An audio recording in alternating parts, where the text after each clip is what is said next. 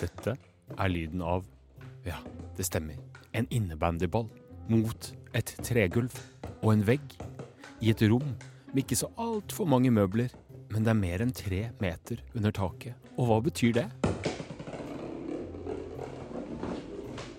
Jo, resonans. Og det kan være irriterende i seg selv, mhm. men tilløp til tortur blir det når du samtidig skal forsøke å gi en beskjed. Nå må vi pusse tenner. Det er seint. Altså, nå må vi virkelig pusse tenner. Nå må vi pusse tenner! Men det går ikke inn. Det preller av. Lyden fra min stemme blir til luft og ingenting for seksåringen som står der uten reaksjon. Det er bare han og kølla og ballen.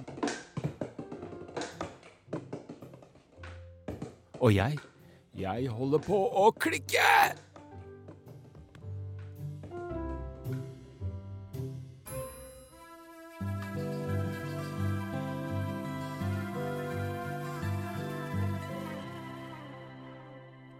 Ja, det var en historie fra virkeligheten som du nettopp fikk høre der, som introduserte ukas utgave av Foreldrekoden. Og velkommen til deg som lytter. Og hei, Hedvig Montgomery. Hei. Hei, hei. Kan du, som er ekspert, helt kort beskrive hvilke feilgrep jeg gjorde i Innebandy-gate? Hva var det et eksempel på? Ja, altså For det første må jeg bare si det er en rekke av ting som skjer i dette eksempelet. Jeg vet ikke om jeg skulle kalle det feil, jeg vil bare si det er sånt som skjer. Ja. Men der det hele begynner, er at du står og snakker til en person som er opptatt, uten å innse at her er det noen som driver med noe. Er det så enkelt?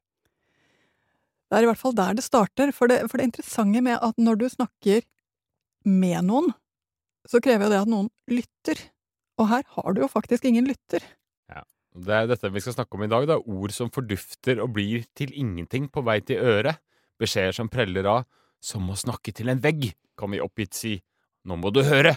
Og kanskje i et ytterst svakt øyeblikk. Ellers blir det ikke lørdagsgodt! Eller noe i den stilen. Frustrasjonen tyr vi til trusler, som en annen overkonstabel i familiepolitiet. Vi skal snakke om eh, noe alle foreldre har opplevd, tror jeg. Hvis ikke, så har de ikke levd, kan man kanskje si. Når barna ikke vil høre. Hvorfor er det så inni hampen vanskelig for oss?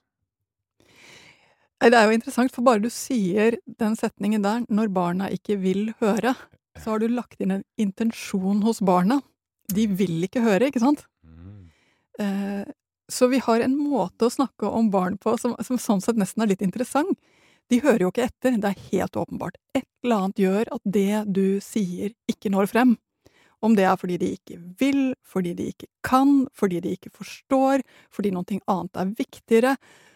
Altså, her er det massevis av ulike grunner, og bare én av dem er at de ikke vil. Men Så du mener at vi har for høye forventninger til uh, å bli lyttet til? Altså, jeg må bare si at uh, jeg vet ikke hvordan det er med deg, men det hender jo at jeg sitter sammen med venner og tenker på noe annet. uh, Ja. det har skjedd. Altså, det skjer i all menneskelig kommunikasjon, så skjer akkurat dette. Mm. Det er noe annet som er viktigere inni hodet ditt, eller det er noe annet som fanger din oppmerksomhet. All kommunikasjon lager rom for misforståelser, også den mellom foreldre og barn. Men mellom foreldre og barn så har vi en veldig forventning til at de alltid skal være skrudd på, alltid skal ha med seg den der 'Å ja, nå skjønner jeg'. Ja. Eh, mens når jeg sier det sånn, så tenker du bare 'Ja, men sånn er det jo ikke'. Ja, nei, nei, men det er interessant det du, du sier der. Eh, men eh, til en viss grad så kan man kanskje forvente at, at de har tillært seg en sånn slags uh, hierarkisk orden, da, hvor, uh, hvor ja vel, de, dette mennesket som står foran meg, en voksen, tilfeldigvis min forelder, han har levd en stund, det er lurt å høre på han slik at vi kommer oss videre i livet, men det er kanskje å forvente litt for mye i forhold til resonnement. Altså, det er massevis av ting som gjør at det ikke fungerer. Det fungerer jo sånn noen ganger. Mm. Mens andre ganger så har du et barn som er kjempesultent. Da spiller det ingen rolle hvor smarte ting du sier, Nei. for her er det noe annet som er et mer grunnleggende behov, som bare roper over din stemme, Mm. og som gjør at du får det kaoset som du får før middag i de aller fleste hjem med barnehagebarn. Men er det en sånn slags uh, maktgreie de har også, da. Altså makten uh, til ikke å gidde å høre etter. De, deres form for eh, slagkraft eh, innad i familien. Altså, jeg tenker jo ikke så mye på dette her som makt, eh, som en maktkamp, og jeg tror jeg nesten litt aktivt ikke tenker på det som det. For i det øyeblikk du tenker på det som en maktkamp, så tenker du også at du står og kjemper mot barnet ditt. Men det er egentlig ikke det du gjør. I innebandyeksempelet så er det egentlig ikke barnet ditt du kjemper med, men du prøver å finne en kanal som gjør at det blir litt ro og ordnings, og den kanalen finner du bare ikke. Du prøver alle de feile kanalene, og her er du innom ganske mange. Mm. Skal, ja, skal, vi rett og slett bryte det eksempelet litt ned? Uh, jeg klarer liksom ikke komme på at jeg er innom så veldig mange, men vær så god. Altså, en av de helt sånn første tingene som gjør at kommunikasjonen mellom foreldre og barn, eller mellom voksne og barn i det hele tatt, eller for den del mellom voksen og voksen ikke fungerer, mm. det er rett og slett at du ikke er på det samme prosjektet. Mm. Uh, jeg pleier å si at man ikke er i øyenhøyde, man rett og slett sitter ikke og har fokus samme sted. Så han står og slår på ballen, uh, og spiller og holder på med et kjempemorsomt spill. Mm. Uh, du går opp, prøver å gi en tydelig beskjed. Du gjør det ovenfra og ned. Han mm. skjønner ikke hva dette handler om engang. Mm. Han holder på å spille. Altså det ene er rett og slett her er vi ikke i øyenhøyde i det hele tatt. Du har ikke kontakt. Så første budet er jo på mange måter ned i øyenhøyde og få kontakt. Og da mener du, eh, dette har vi snakka om litt før, men da mener du altså helt fysisk at for at en beskjed skal gå fruktbart frem mellom eh, avsender og mottaker, så må man være på samme fysiske nivå? Er det sånn? For barnehagebarn og småskolebarn, absolutt. Mm. Eh, litt annerledes for tenåringer, det får vi komme tilbake igjen til. Der kan det til og med være en ulempe. Okay, ja. Men for, eh, for, de minste barna så er det veldig viktig at du faktisk fanger dem inn. Hei, hva driver du med? Eh, du, hør. eh, jeg tror at det nå er for sent. Altså, du må rett og slett lede dem inn på hva det er for noe du skal si. Du kan ikke bare komme og gi beskjeden ovenfra og ned. Så der har du den første. Mm. Uh, den andre er jo at du tar for gitt at han skjønner. Ja, han bør jo det. Han er seks år, han veit han skal pusse tenna når det er liksom seint på kvelden. Ja, men hans tidsoppfatning er ikke alltid den samme som din. Nei, og han tror og håper og drømmer om at det er noen flere minutter å tyne ut av dette morsomme døgnet, mens du sitter der og har faktisk det litt grann motsatte. Du kan ikke vente på at dette døgnet skal ta slutt, sånn at du kan krype under dyna. Ja. Så dere er også på forskjellig tidssone, nesten. Ja. Jeg skulle ikke eh, sove. Jeg skulle få litt fritid. Ja, ikke sant. Hva annet er det du prøver å snike deg til? Men uh, da er det ikke flere feil, eller? Jeg vet ikke hvordan du er eh, litt for sent på kvelden når du står der og hytter med tannbørsten. Uh, men kanskje har du en god stemme og en, et tydelig kroppsspråk som kanskje til og med gjør ham redd. Og dette er en veldig interessant ting med barn. Redde barn hører dårligere, og kan også gå fullstendig i kryss i hjernen sin. Det er rett og slett sånn at det blir en feilkobling fordi de blir redde. Det er grunnen til at barn som blir skikkelig redde, kan eh, tisse på seg, eller plutselig begynne å le, eller eh, begynne å virre rundt, istedenfor å ta den veldig tydelige beskjeden og bli med deg. Så hvis han ble redd i tillegg, så er faktisk suksessen mindre sannsynlig. Så det å skremme barn til lydighet er ingen mulighet. Jeg liker jo å tenke at, jeg, at han ikke ble redd meg, da. Men altså, han kan likevel bli redd situasjonen. Altså ved en, en, en, en armbevegelse, en litt brå eh, gestikulering. Han kan ha blitt det. Kommer an på barnet, kommer an på deg. Men siden vi var inne på det, her er det så mange ting som kan gjøre at han ikke skjønte Eller så kan det være at han syns du er en tullebukk. eh, og at det ikke gjør noen ting i hans hode å utsette den tannpussen lite grann. Og siden dere ikke er i samtale om det, men du bare gir beskjeder, så får han jo ikke gitt deg muligheten til å si det. Slapp av, pappa, jeg kommer, og jeg skal bare ta fem slag til, så kommer jeg. Du, han får ikke muligheten til å si det, istedenfor så bare gjør han det.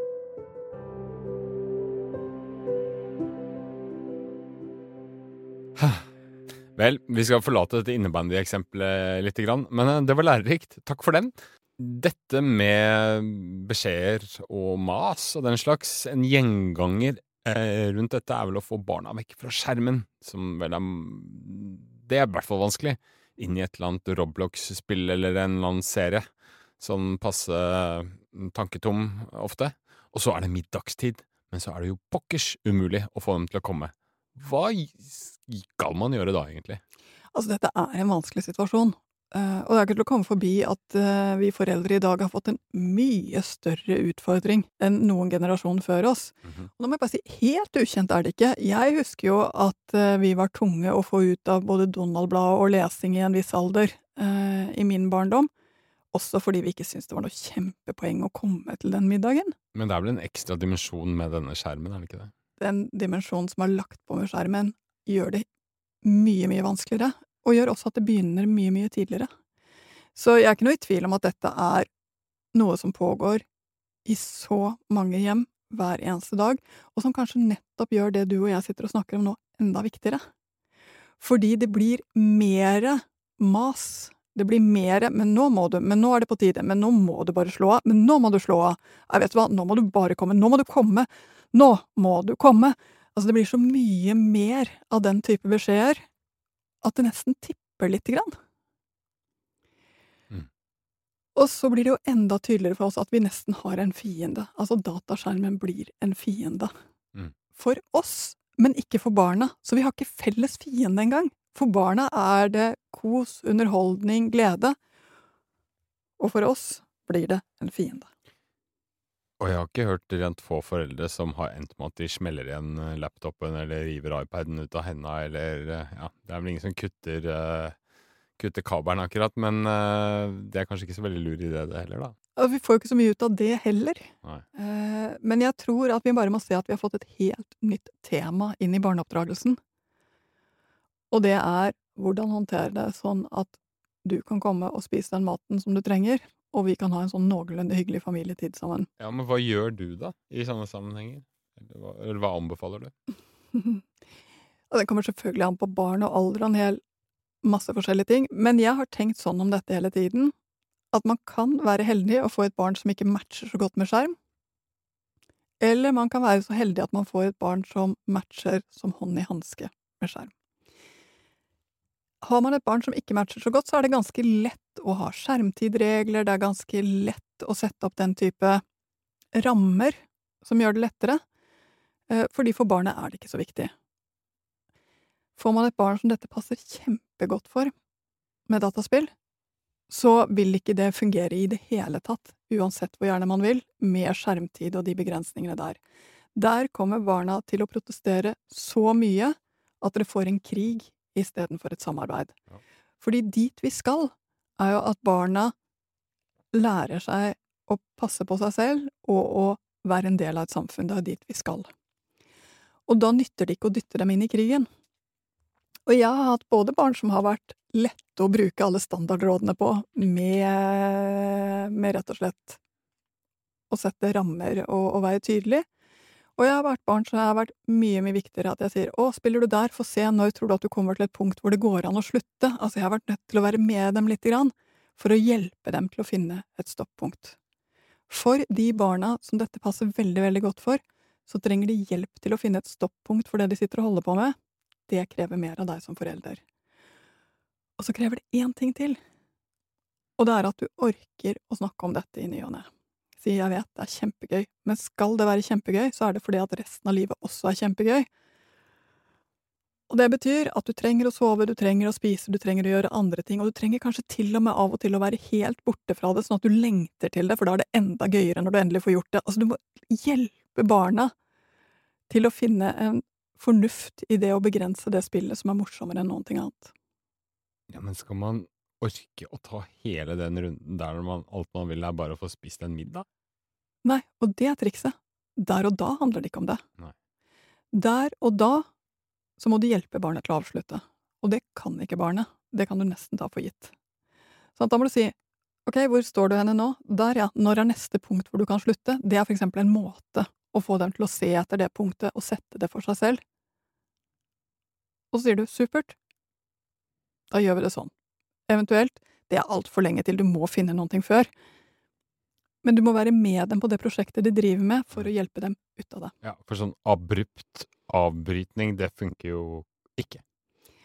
Har i hvert fall ikke noe god langtidseffekt, eh, og hyggelig middag blir det jo heller ikke.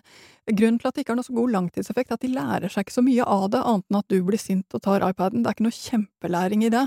Eh, men å lære seg at dette er en av de tingene man trenger å kunne i våre dager, og det er faktisk sant. Det er sant. Eh, og så er det jo én ting til, og sånn er det i hvert fall, jeg vet ikke hvordan det er med deg, men når jeg er ganske godt sliten selv, så er det mye, mye, mye lettere for meg at jeg ikke orker å gjøre noe ordentlig, men istedenfor bare sitter og scroller. Vi foreldre gjør jo akkurat det samme, Mm. Eh, og det det, er- det er to ting å lære. Det ene er det å, kjenne på hvor vanskelig det er å faktisk motstå den der lysten når du ikke orker å gjøre noe og, og synke ned der. Og da skjønner du i hvert fall hva barna slåss mot, for de er ganske ofte slitne når de faller ned i spillet, de også. En lang barnehagedag eller en lang skoledag gjør dem ganske slitne. Så det ene er at ha litt grann hjerte for det. Og det andre som gjør at det er lurt å, å tenke litt grann over det, det er at eh, du er jo rollemodell oppi dette her også. Men hvis vi skal ta med oss inn i et barnesinn, når blir liksom beskjeder til mas? Jeg tror barn er ganske vant til å få mye beskjeder, og jeg tror av og til vi som foreldre ikke helt ser hvor mange beskjeder et barn får i løpet av en dag.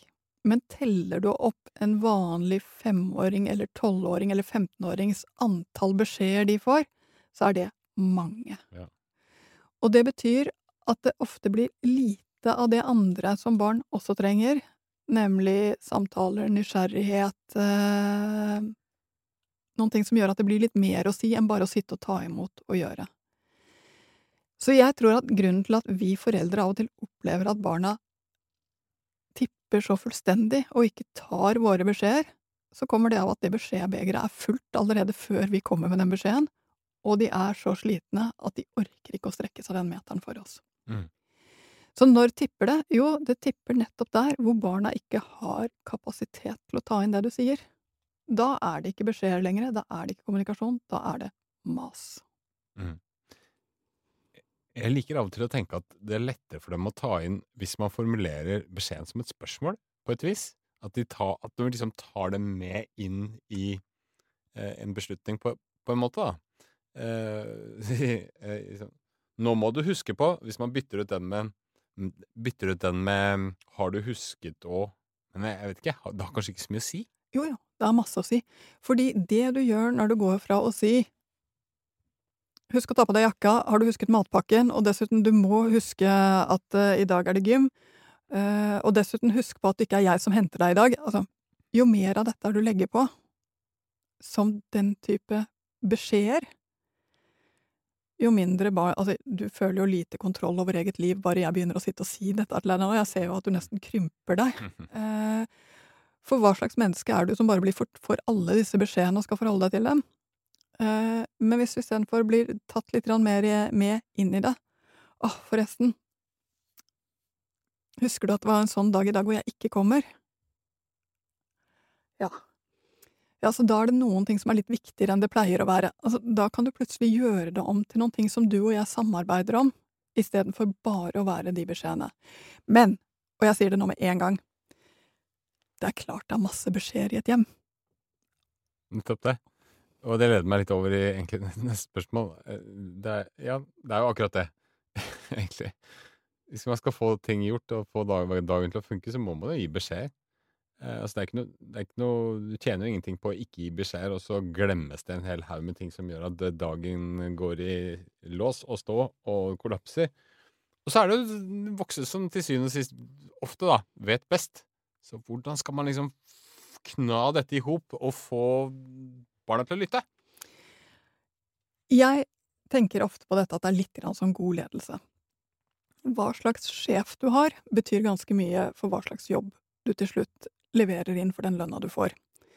Eh, Og en av de tingene som er litt vittig i ledelsesforskning, eh, det er at den viser oss at for at en leder skal være god, så må det være en balanse mellom å gi kommandoer og beskjeder, og mellom å stille spørsmål og vise tillit. Mm. Ask dem, som er å spørre og finne ut hva ansatte vil, trenger, eh, har behov for, og tell dem, som er fortell hva som skal gjøres.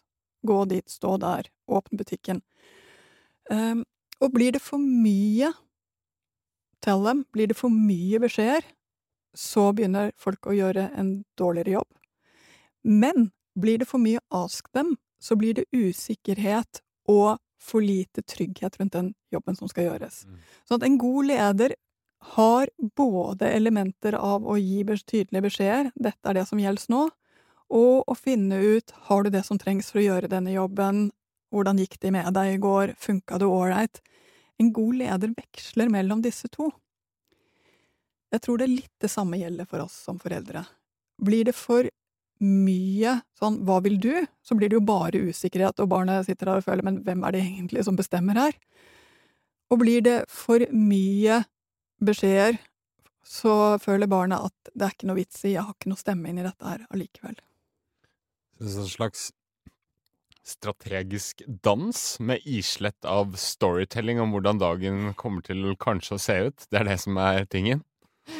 I hvert fall vær litt klar. Hør litt på din egen stemme. Blir du nå den masete sjefen som bare gir beskjeder, og som ikke lager noe rom for å ta valg eller gjøre ting bedre eller å sette sitt fingeravtrykk på det? Da tror jeg du kan ta for gitt at du blir oppfattet som masete. Jeg var kort inne på det her i starten. Dette med straff, eller rettere sagt da kanskje trussel om straff, eh, det er noe man kan ty til, da i, i desperasjon. Typisk. Ellers blir det ikke lørdagsgodt. Ellers blir det ikke noe av den ferien vi har snakka om. Eller sånne ting. Hvorfor ender vi opp der så ofte? Nei, altså er, Føler du deg litt maktesløs, så er jo det å, å, gripe etter det som kjennes ut som den største øksa der og da, blir jo det du, du griper etter. Så må jeg dessverre si at dette området egner seg jo ikke for store økser. Eh, sånn at det virker jo ikke det vi driver med, er egentlig mye mer, mer finstemt, mye, mye mer forsiktig arbeid. Som du ikke trenger noe så grovt i det hele tatt. Så problemet med tomme trusler, som det jo faktisk er. For stort sett så vil det jo bli lørdagsgodt, hvis ikke så blir den lørdagen ganske stusslig. Og hva har dette med lørdagen å gjøre anyway? Nei, det er nettopp det. Uh, så, så, det blir jo ikke noen ting av disse store, store ordene vi kommer med. Og det lærer barn seg veldig, veldig fort Gjennomskue det. at dette har, dette har ingenting med hverandre å gjøre. Skal en trussel fungere, så må det jo være fordi den faktisk er sann. Uh, og ikke bare, og det handler da ikke om at du da skal inndra lørdagsgodtet, fordi det hjelper ikke. For lørdagsgodt har fortsatt ingenting med tannpuss okay. på en tirsdag å gjøre. Men når barnet blir litt eldre, og du sa da at øyenhøyde ikke gjelder lenger, Eh, hva er det slags krav som eh, kommer inn i bildet da? Nei, Det er ganske vittig, fordi når barna kommer opp på mellomtrinnet og etter hvert ungdomstrinnet, så begynner ting virkelig å endre seg. Og du som forelder så går du på mange måter fra å være en eh, som gir ganske mange beskjeder, eh, til at de stort sett vet, men ikke har lyst til å gjøre det allikevel, Mm. området. Eh, og da er det å nå igjennom, da er det å få til en kommunikasjon krever for eksempel at man ikke sitter og ser hverandre inn i øynene, for det er altfor direkte. Men at man sitter og ser på en bok sammen, eller på et bilde sammen, altså at man ser på noen ting, holder på med noe ting, eller står og baker sammen, eller står og gjør noe sammen. Da er det mye, mye lettere å snakke sammen, og også å komme med de spørsmålene som du kanskje trenger å vite, eller de beskjedene som er veldig viktige. Lettere når man sitter ved siden av hverandre i en bil eller på bussen. Også lettere. Så kommunikasjonen blir faktisk mindre ansikt til ansikt og mer ansikt ved siden av ansikt. Men hvordan skal man komme rundt den der ikke gidde-greia, da? Altså nå må jeg bare si Det er mye vi ikke får gjort så mye med, Mm. og at de blir mer trøtte og opplever det som viktig å spare energien sin til sine prosjekter og ikke kaste den bort, i deres øyne, på å gjøre ting som, som de opplever som urimelig, og de opplever fort det som urimelig et eller annet element av dette her får vi uansett. Men skal du få en uh, morgentrøtt ungdom til å stå opp, så er det utholdenhet som funker. Skal du få en uh, trøtt elleveåring uh, som har pakket seg godt inn med iPaden og ikke egentlig har tenkt å gjøre noen ting til å reise seg opp og hjelpe til med middagen, så må du få han eller, han eller henne med på prosjektet, hva som gjør at det er en god idé at vi gjør dette sammen. Så du bruker mer tid på å begrunne, på å forklare, og du kan også bruke mer tid. Der hvor små barn har veldig kort oppmerksomhet, så har disse ungdommene her, og øh, barna, mye større spenn. Du kan si mer, du kan snakke mer med, du kan få mer beskjeder. Og så må jeg si at så har du gjort alt dette, og så får du svare ok. Og så virker det litt snaut. Det er liksom du hadde jo gjerne fått litt mer Ja, klart det, det gjør jeg gjerne. Altså, du hadde liksom ønsket deg noe litt mer. Men i noen år så er ja, nei og ok på mange måter hele vokabularet. Eh, og de tre ordene fungerer faktisk helt greit. Så hør etter det som er intensjonen bak, og hør den historien som kanskje ligger der, selv om du ikke alltid får alt sammen på den ordrike måten. Det kommer du til å få senere. Men hvis du skal dra gjennom de verste fellene som på tampen, hva er egentlig det? Hva er det man for enhver pris, i hvert fall da nesten, bør unngå? Er du sulten, trøtt og sur selv, så er det ingen vits i å prøve å gi noen beskjeder for noen ting som betyr noen ting. Og ser du at barnet ditt er sulten, trøtt og surt, så gjelder akkurat det samme. Jo viktigere beskjeder du skal gi, jo mer vesentlig er det å passe på at dere begge to har muligheten til å ta imot. Sulten, trøtt og sur, det er story of my life, så jeg går en vanskelig dag i møte. Uansett, takker for at du hørte på denne episoden. Håper du fikk noe ut av det. Det tror jeg. Det fikk jeg i hvert fall. Husk på at uh, gamle og nye episoder av Foreldrekoden er tilgjengelig i Podme og i Aftenposten. Og når jeg sier gamle, så mener jeg ikke som i tilårskommende. Jeg mener de er fortsatt gode som gull. Et fullt arkiv, over 100 episoder som er tilgjengelig der. Gå inn og abonner, eller så kan du følge oss på Instagram, Foreldrekoden der. Eller en eminent Facebook-gruppe som også finnes. Vi nøyer oss med det og sier takk for i dag, gjør vi ikke det, Hedvig? Det sier vi. Tusen takk for i dag. Ja,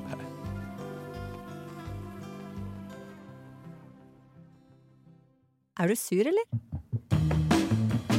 Nei, jeg er ikke det. Jeg er bare avslappa i ansiktet. Å, det er resting bitch face jeg hviler øynene mine på. Ja, det er det de kaller det, vet du. Det er så provoserende. Når kvinner som har fått litt sånn rynker i fjeset, da, som kommer med midtlivet, når vi ser avslappa ut i ansiktet, da ser vi liksom sure ut. Men kloke og ettertenksomme kvinner resting bitchface. Veldig irriterende. Veldig irriterende. Ukas episode det handler om det. Altså hud og hår uh, i midtlivet. 40-ish. Hva er greit, hva er ikke greit? Mm -hmm. Du kan høre det i eh, Podmy og aftenposten.no. A lot can happen in the next three years. Like a chatbot may be your new best friend. But what won't change? Needing health insurance. United Healthcare Tri Term Medical Plans are available for these changing times. Underwritten by Golden Rule Insurance Company, they offer budget friendly, flexible coverage for people who are in between jobs or missed open enrollment. The plans last nearly three years in some states, with access to a nationwide network of doctors and hospitals. So, for whatever tomorrow brings, United Healthcare Tri Term Medical Plans may be for you. Learn more at uh1.com. Ryan Reynolds here from Mint Mobile. With the price of just about everything going up during inflation, we thought we'd bring our prices down. So to help us, we brought in a reverse auctioneer, which is apparently a thing. Mint Mobile unlimited premium wireless. Ready to get 30, 30, bit to get 30, bit to get 20, 20, 20, bit to get 20, 20, bit to get 15, 15, 15, 15 just 15 bucks a month. So, Give it a try at mintmobile.com/switch. slash $45 up front for 3 months plus taxes and fees. Promo for new customers for limited time. Unlimited more than 40 gigabytes per month slows. Full terms at mintmobile.com.